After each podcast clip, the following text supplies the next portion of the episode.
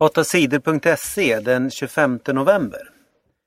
USA och Iran är överens om kärnkraft. I många år har USA och Iran varit fiender. Flera gånger har det varit på väg att bli krig mellan länderna. De senaste åren har bråken mest handlat om Irans hemliga forskning. USA och många andra länder tror att Iran vill bygga kärnvapen. Iran har sagt att de bara vill ha fredlig kärnkraft. Men Iran har vägrat att släppa in experter i landet som kan undersöka deras fabriker. Därför har Iran straffats. Andra länder har slutat att sälja saker till Iran och vägrat att köpa Irans olja. Men i somras fick Iran nya ledare. Hassan Rouhani blev president. Han vill inte fortsätta bråken med de andra länderna. Irans regering har försökt att komma på en lösning.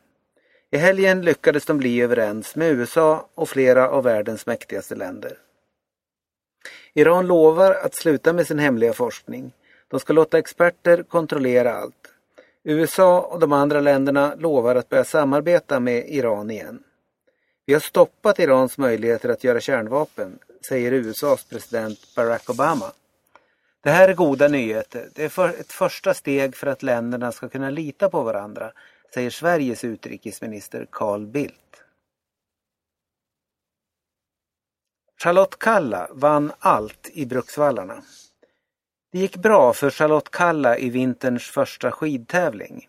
Hon vann alla tre loppen i Bruksvallarna i helgen. Kalla vann överlägset i loppen på 10 km och 5 km. I söndagens sprint var det tuffare. Hanna Falk gav Charlotte Kalla en hård match. Men Kalla var starkast i spurten och vann även det loppet. Jag är superglad. Jag var mest nervös för sprinten. Det kändes härligt att vinna sprinten, sa Charlotte Kalla efter tävlingen. I tävlingarna i Bruksvallarna var det nästan bara svenska åkare med.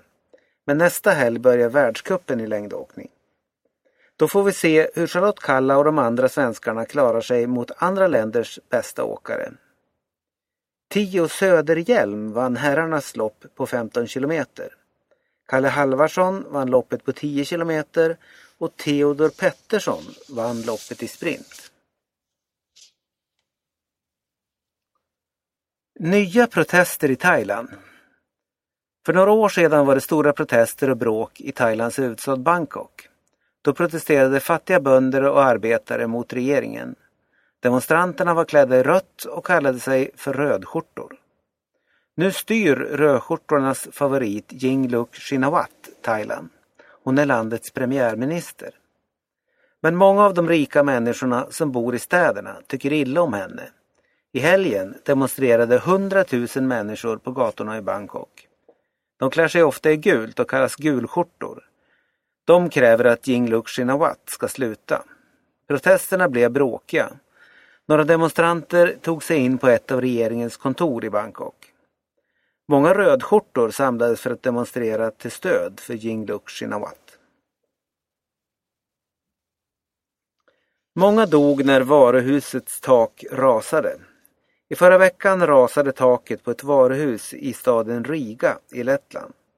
Många människor klämdes ihjäl. Minst 54 människor dog i den hemska olyckan. Varför taket rasade vet ingen än. Men nu kontrolleras taken på företagets alla 140 butiker i Lettland. Norsk mästare i schack. För första gången har Norden fått en världsmästare i schack. Magnus Carlsen från Norge är nu bäst i världen. Han vann VM-matchen över Indien Viswanathan Anand. Anand har varit världsmästare fem gånger. Nu förlorade han klart mot den 22 år gamle norrmannen. Jag gjorde misstag, men det beror på att Magnus spelar bra, sa Anand. Lite tid till skolmat. Många barn i skolan har det stressigt på lunchen. I många skolor har de mindre än 25 minuter på sig att äta. Det visar en undersökning som Sveriges kommuner och landsting har gjort. De har undersökt fler än 500 skolor. Undersökningen visar också att maten inte alltid är tillräckligt nyttig. Ibland, bland annat är det för lite D-vitamin.